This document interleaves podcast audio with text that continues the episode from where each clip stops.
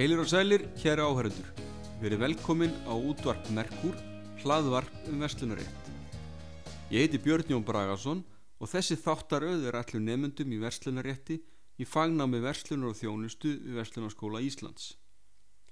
Í þessum öðrum þætti í þáttaröðinni ætlum við að ræða um það réttareglur sem gilda í viðskiptum.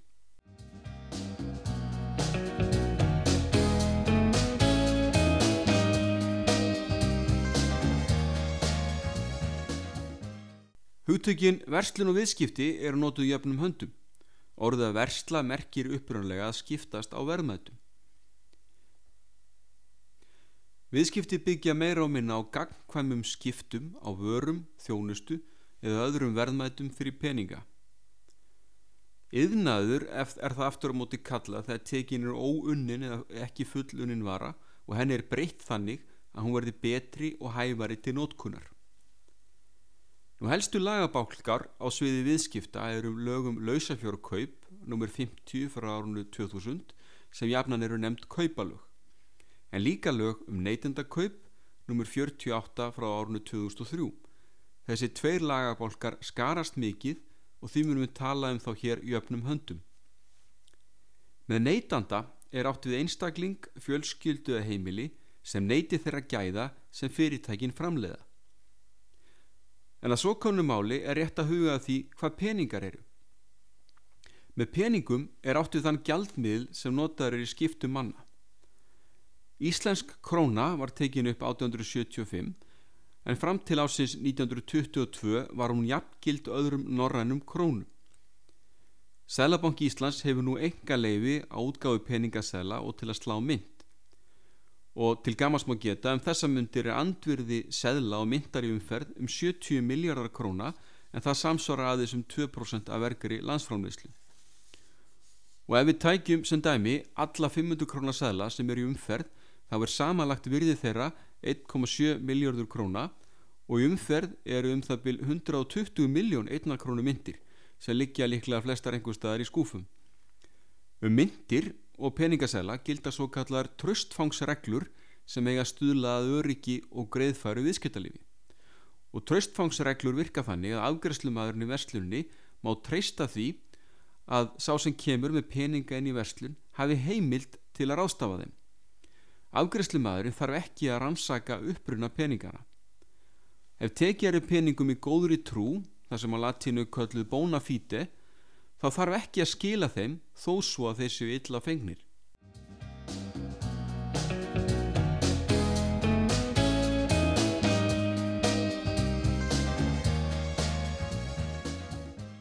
En okkar dögum fer þorri viðskipta fram með rafrænum hætti og hinn síðar ár hefur netið gerbilt verslunarháttum.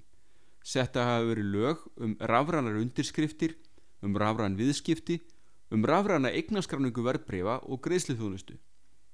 Til að með að stunda greiðslithúnustu þurfa aðilar að hafa fengið tilskilinleifi stjórnvalda hér á landi eða í öðru landi á evróska efnaðarsvæðinu. Greiðslithúnustu veitundur er engum fjármálafyrirtæki en líka svo kvöldur rafeiris fyrirtæki.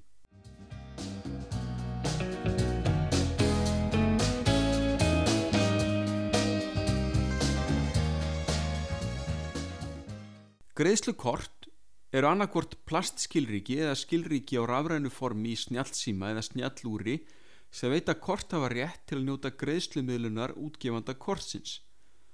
Korthafi er þá einstaklingur eða lögæðili sem hefur samning við kortaútgefenda um aðgang að greiðslumiðlun hans gegn framvísun greiðslukorts. Kreditkort er greiðslukort þar sem korthafi fær greiðslufrest með milligöngu þriði aðila sem er kortaútgefandi Útgefandin greiðir seljanda við framvísun reiknings þá fjárhæð sem korthafi hefur kvittað fyrir. Og ræðgreislur er það kallað þegar handhafi kreditkorts kaupir hluti með áborgun. Debetkort eru síðan notu til að framkama tafalösa millifærslu af bankareikningi með rafrannum hætti við kaup á vöru eða þjónustu. Debetkort er einnig hægt að nota til að taka út peninga af bankareikningi kortafa og hraðböngum en hraðbankar eru sjálfvirkar greiðsluvilar banka og sparisjóða. Heimildin til greiðslu takmarkast við ástöfun á fjárhæð þá sem er á reikningi kortáfa.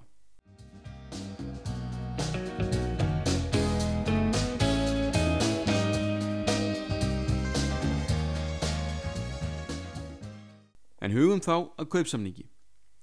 Með kaupsamningi færist eignaréttur frá sæljanda til kaupanda. Allt lausafið á undir lög um lausafjörkaup eða neytendakaup en dæmi um lausafið eru húsgögn, hústýr, verðbref, hugbúnaður og fjárkrúur. Lögin eiga ekki við um hluti sem ekki verða framseldir, svo sem lifandi fólk. Þau heldur ekki við um viðskipti með ólögumættan varning eins og til dæmis ólöguleg fíkniefni. Um ymsan varning gilda líka sérlög sem þá ganga framar kaupalögum en efna má sem dæmi lif og áfengi en um þær vörur gilda livjalög og áfengislög. Kaupalögin eru frávíkjanleg sem er kallað. Það þýðir að heimilt er að semja á annan veg en lögin mæla fyrirum. Lögin víkja því fyrir samningi aðila eða venju en í viðskiptum aðila geta orðið til markvíslegar viðskipta venjur. Öðrum áli gegnir um neytendakaup. Þau eru að mestuleiti ófrávíkjanleg en það er tilgangu þeirra að vernda neytanda sem stendur hallari fæti í samningssambandi en seljandin sem hefur sett samningsskilmálana innliða. Kaupalögin eiga líka við um skipti. Dæmi um skipti er þegar maður kaupir nýjan bíl og seljandin tekur þann gamla upp í sem hluta kaupvers. Kaupalögin eiga ennfremur við um pöntunarkaup en þá ráttu kaup þar sem sá sem pantar lætur ekki í tje verulega hluta efnis til framleiðslunar. Dæmum það væri að maður pantaði eldúsinautingu og smiðurinn legði jafnframt til efnið í innrettinguna. Ef smiðurinn legði ekki til efnið væri ekki um að um kauparæða heldur verksamning en um slíka samninga gilda lögum þjónustu kaup sem fjalla verður um hér að aftan. Samningar um lausaförkaup er almennt ekki formbundnir. Það þýðir að þeir eru jafngildir hvort sem þeir eru skriflegir eða munlegir. Öðrumáli gegnir til dæmis um samninga um fastegnarkaup þeir þurfa alltaf að vera skriflegir. Eðlimál samkvæmt getur verið torvelt að fara sönnur og efni munlegs samnings til dæmis ef ágræningur verður milli aðila. Því er gerðnan hyggilegt að halda sig við skriflega gerð.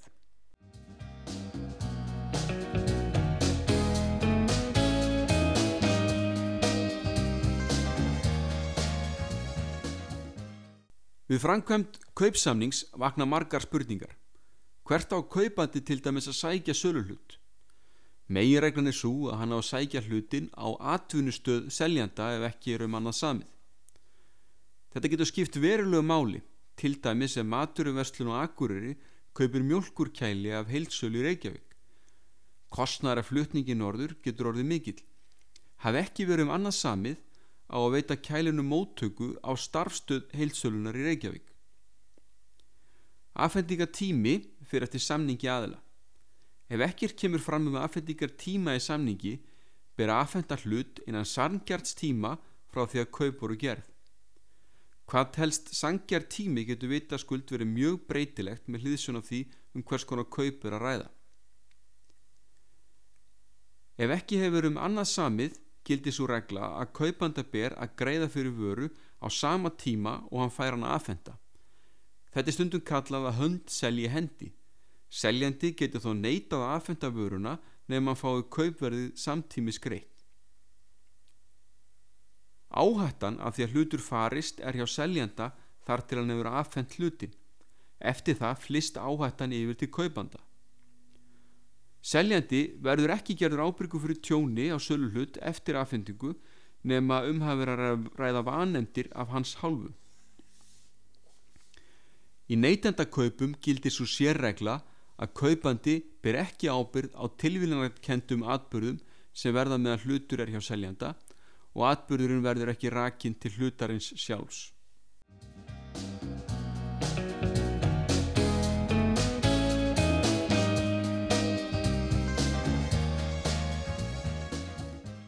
Ef sölulhutur reynist ekki verið í samræmi við samninga aðela telst hann gallaður Við gætum tekið sem dæmi mjölkurkælin hér að framann.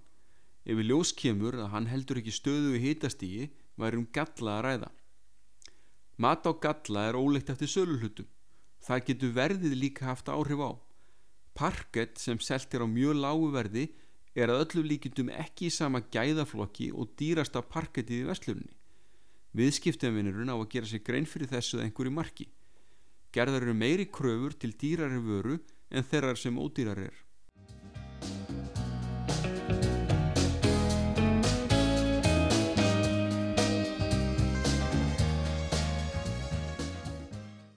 Við skulum nú líta á hæstærættadóm nr. 176 frá árunni 2007 en dóma hæstærættar finnir þjó heimasíður réttarins hæstiréttur.is Þegar við vísum til dóma notum við venjulega ekki nöfn málsæðila heldur aðeins upphafstafi þeirra.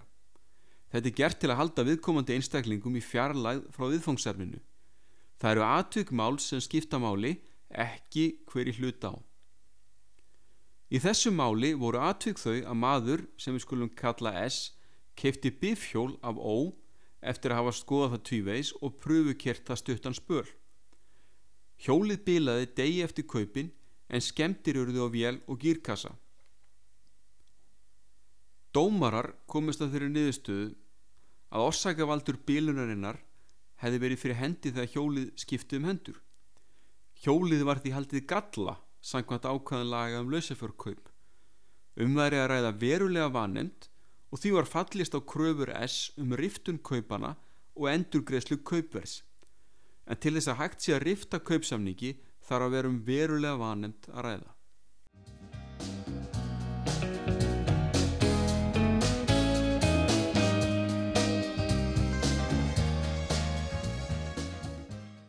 Nú helstu vanemdir að hálfu seljanda eru í fyrsta lagi aðfendingadráttur en eitthvað galli og vanheimild.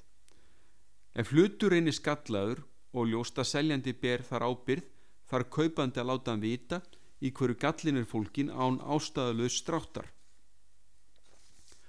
Hámars frestur sem kaupandi hefur til að beina tilkynningu um galla til seljanda eru tvö ár frá því að veitir hlut viðtöku. Byggingarefni er undanskilið frá tveggjára reglunni en það er því ætlaður mjög langur endingatími. Frestur til að bera fyrir sig galla á byggingarefni er fimm ár frá því efninu var veitt viðtaka. Önnur vanemd áraði koma til skoðunar svo sem úrbætur og affending á nýjum hlut, afsláttur eða skadabætur.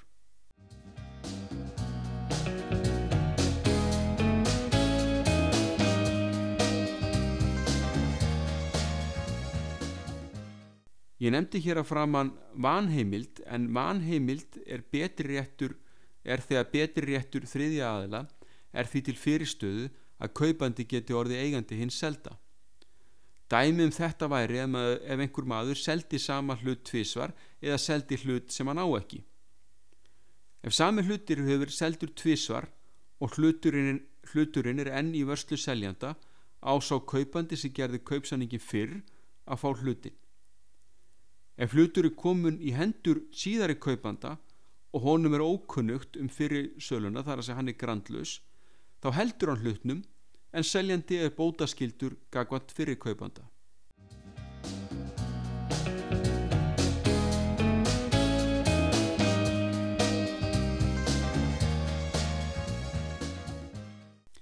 Nú vikjum þá að skildum kaupanda en aðalskildur hans eru eðlimál sangkvæmt að greiða kaupverð og veita hlutnum viðtöku.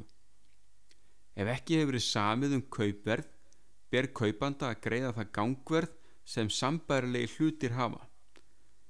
Ef kaupverði á, ákveði eftir þyngd, skal sangkvæmt kaupalögum draga fyrst frá þyngd umbúða.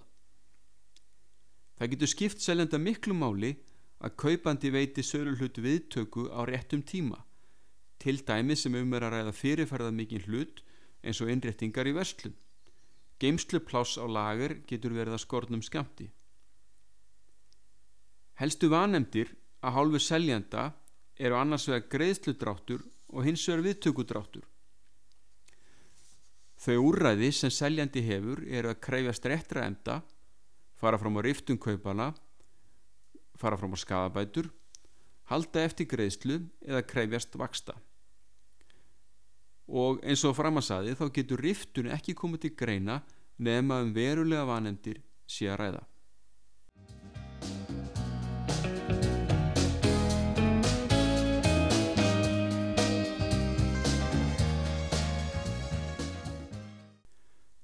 Þá vindum við hvaða okkar í kross og komum að þjónustukaupum.